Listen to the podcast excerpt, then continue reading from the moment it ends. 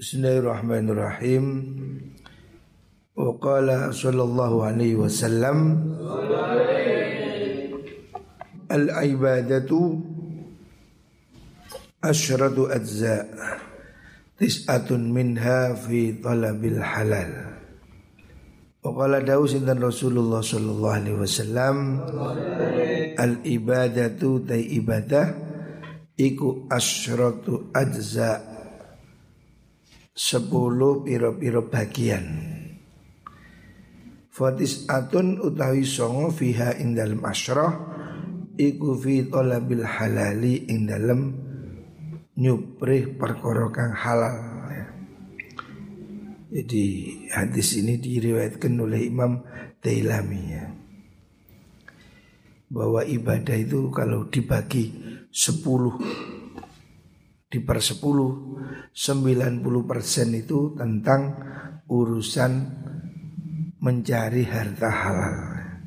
Jadi bagian dominan dalam ibadah itu bekerja mencari harta yang halal.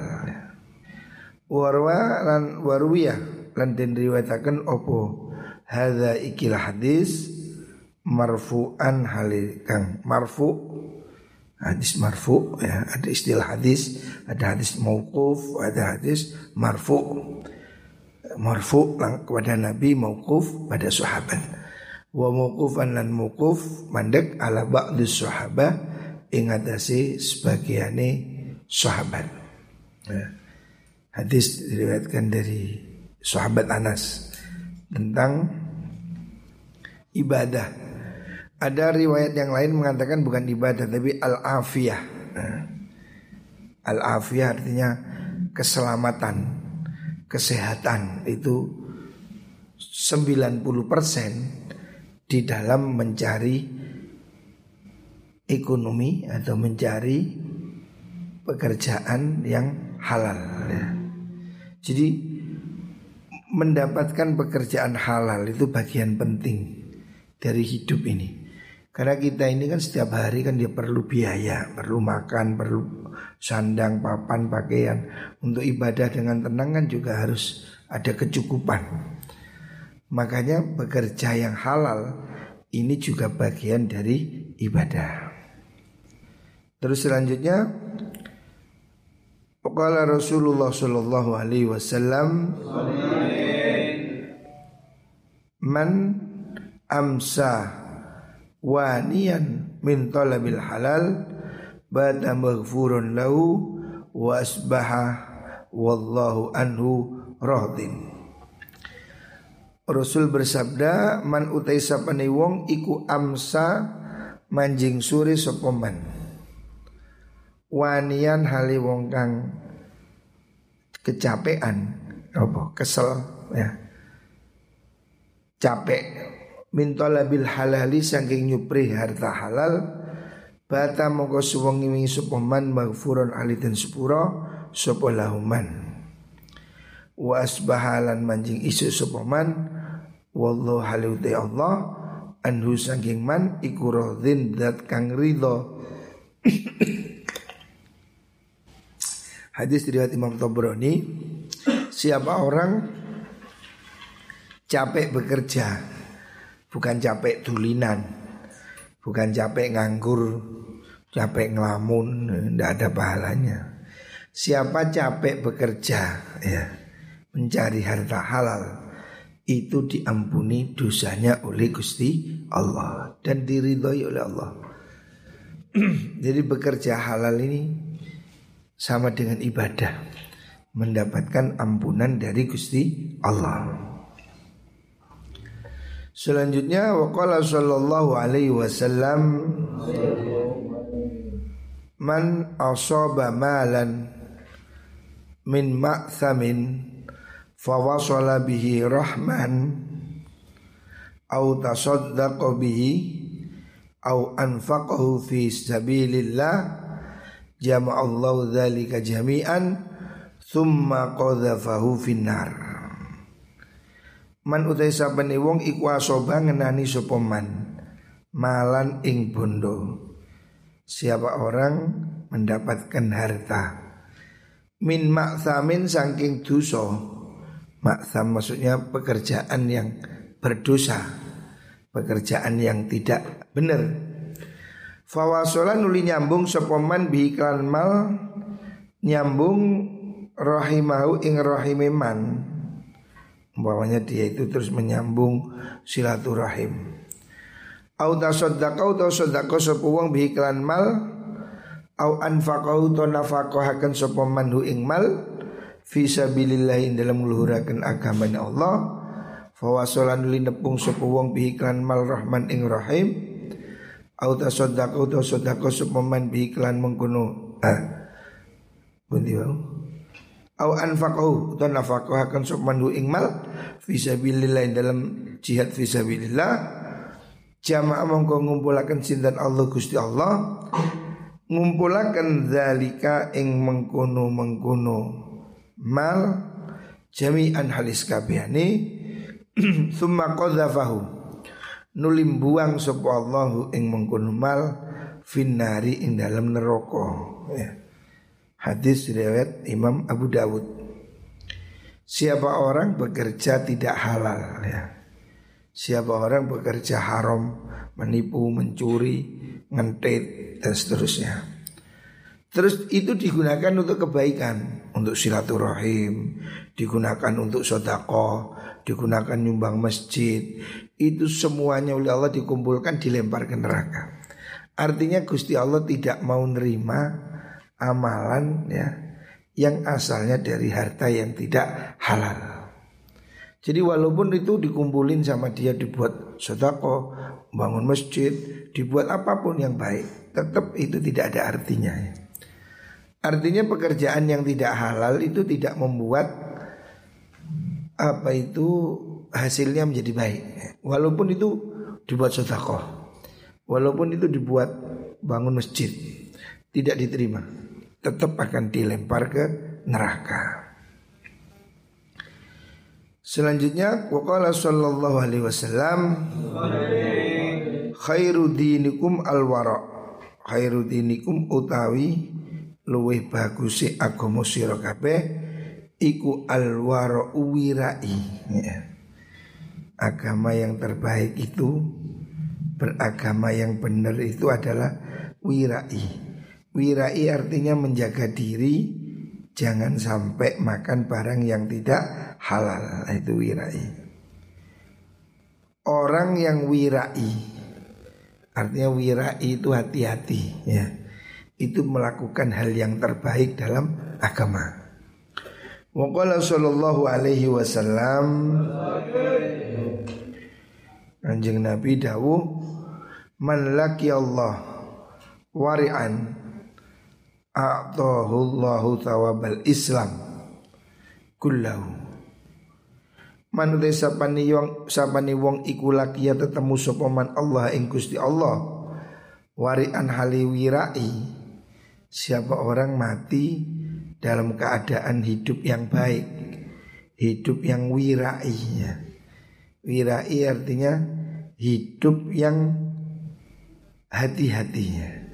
Siapa orang hidup secara wirai ya. Artinya hidupnya ini sangat berhati-hati tidak makan barang-barang yang haram. Siapa orang hidup secara wirai atau Allah thawabal Islam kullah maka dia oleh Allah akan diberi pahalanya Islam secara total. Jadi wirai hati-hati dalam urusan harta itu pahalanya sangat besar. Warwuyurwalan dan riwayatakan Apa inna Allah ta'ala sunna Allah ta'ala? Iku kola dawu sinten Allah. Dawu ini Amal wariuna anapun tai wong kang podo wirai Iku fa'ana mongkau tawi ingsun Iku astahi isin sopo ingsun. An uhasibahum saking yento Ngitung sopo ingsun hum ing mengkuno alwariun ya orang-orang yang hidupnya wirai, orang-orang yang hidupnya hati-hati, tidak ngawur, itu besok oleh Allah tidak dihisap. Artinya tidak dipersulit urusannya di akhirat. Waqala sallallahu alaihi wasallam dirhamun tesak dirham min riba saking penggawean riba iku asyaddu abot indah munggu Allah. Min thalathina sanging telung puluh. Min thalathina zaniyatin sanging telung puluh. Wadun sino fil islami dalam Islam. Jadi riba itu lebih berat dari perzinaan nah, dosanya. Rentenir itu Al-Maidah itu tawi Maidah. Maidah itu lambung perut. Iku haudun Al-Ma'idah. Al-Ma'idah itu tadi lambung tempat makanan. Iku haudul badani. Telogone awak. Maksudnya ini lambungi tempat kumpulnya apa? Timbunan badan. Wal aruku tawi piro-piro otot. Otot pembuluh darah ilaiha mari mengkuno maida iku waridatun kan tumeka. Orang ini kan dari makanan terus diolah mengalir ke seluruh tubuh. Faida sohat nalikani sehat Opo al maidatu lambung? Kalau perutnya ini sehat Makanannya baik Saudarat mongko metu opal uruku piro piro Otot bisi hati kelawan sehat Wa idha sakomat nalikani loro opo mengkuno maida Saudarat mongko metu opo mengkuno uruk bisa komi kelawan loro Hadis riwayat Imam Tabrani. Artinya Makanan ini akan menentukan sehat tidak sehatnya seseorang ya. Baik sehat secara jasmani ataupun rohani Orang ini kalau makanannya halal berkumpul dari dalam keluar ke seluruh tubuh Memancarkan kebaikan tapi kalau orang itu makannya haram, ya saat baliknya memancarkan kejelekan. Jadi orang sulit diajak baik. Itu salah satunya ya faktor makanannya yang tidak baik. Makanya hati-hati ya. Soal makanan, soal harta, soal uang berhati-hati. Sebab itu akan mempengaruhi hidupmu. Itu kan sumbernya dari makanan. Terus jadi darah, jadi otak, jadi daging dan seterusnya. Orang-orang yang makanannya tidak halal Maka ya akan tumbuh tidak halal Fikirannya, otaknya Ini semua menjadi mengarah ke haram Jadi kata kuncinya dari makanan Jaga makananmu Wa mithlu tu'mati utai padane panganan minat dini sanging agomo Iku mithrul asasi madani pondasi Minal binyani sangking bangunan. Faida sabata nalikan tetap opal asasu? Pondasi dasar.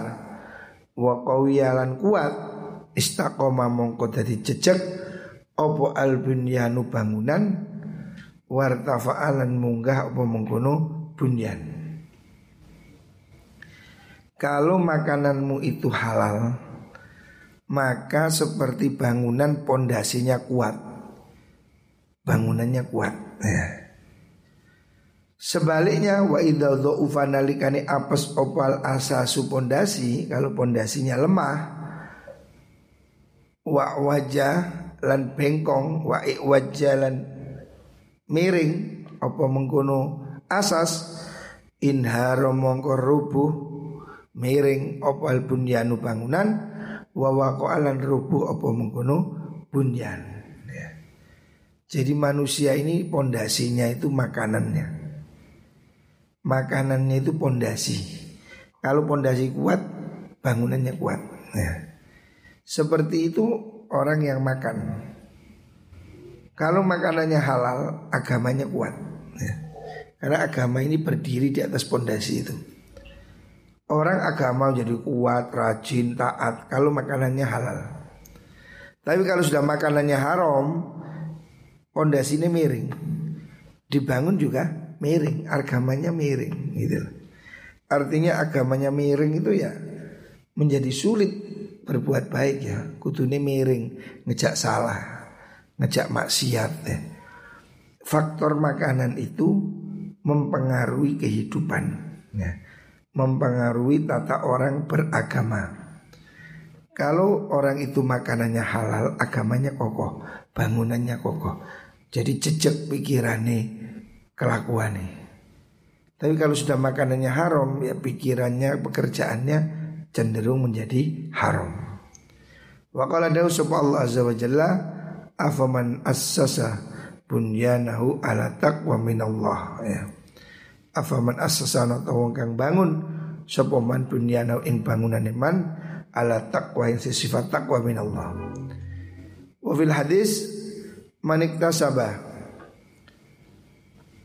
Man utai sapane wong iku iktasabah mergawi sapa man malan ing bondo min haromin sangking haram. Siapa orang bekerja mencari harta haram.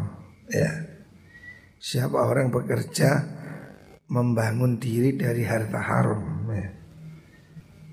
terus bunyi Fa in tasaddaqa lamun sedekah sapa wong bi iklan mal lang yukbal mongko ora den trimo apa sedekah mindu saking man. Jadi siapa orang sedekah dengan harta haram maka tidak diterima sedekahnya.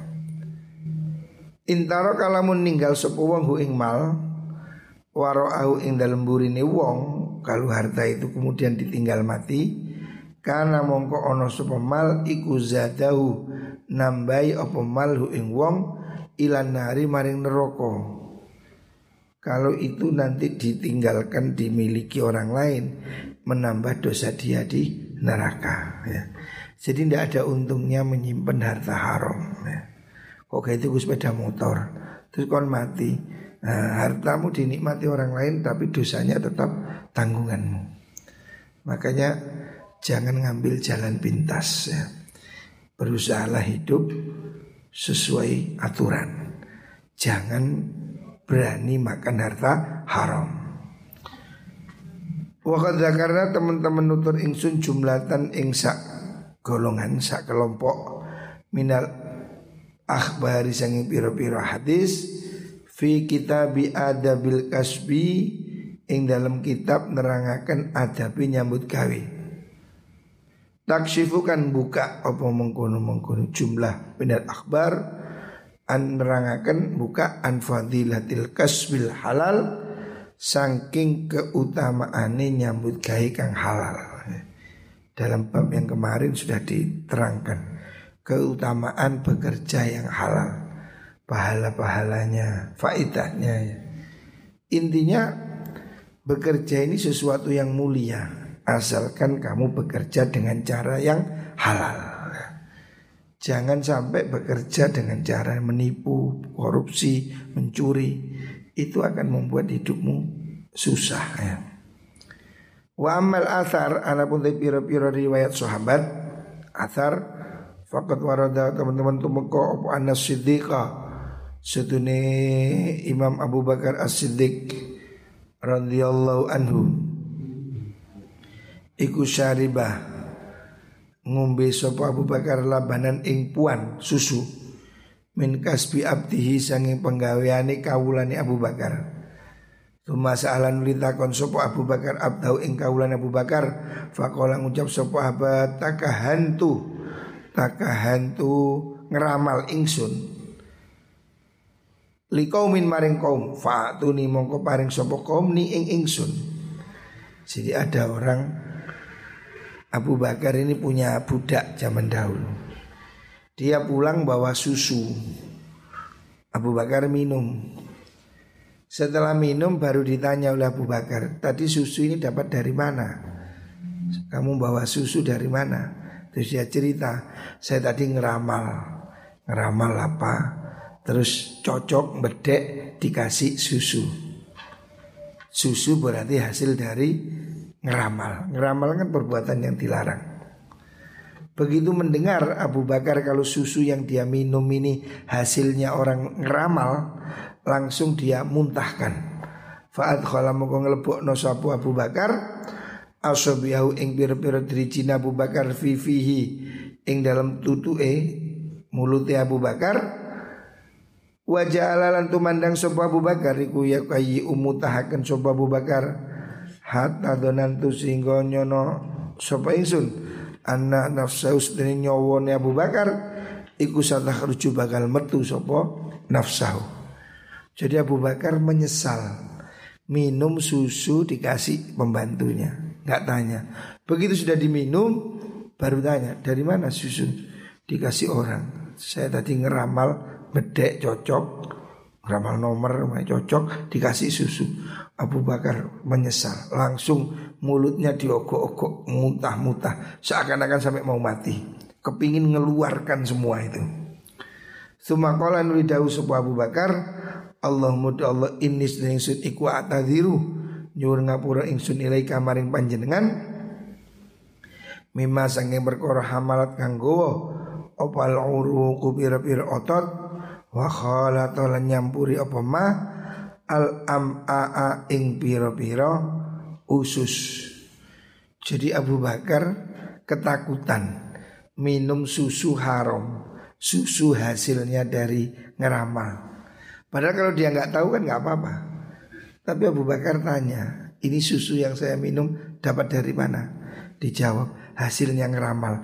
Langsung oleh Abu Bakar mulutnya diogok-ogok supaya muntah-muntah. Yang sudah minum dikeluarkan. Dan setelah itu dia berdoa ya Allah saya mohon ampun yang sudah campur dengan daging dengan otot di usus tidak bisa keluar. Seandainya bisa mau dikeluarin semua. Ya.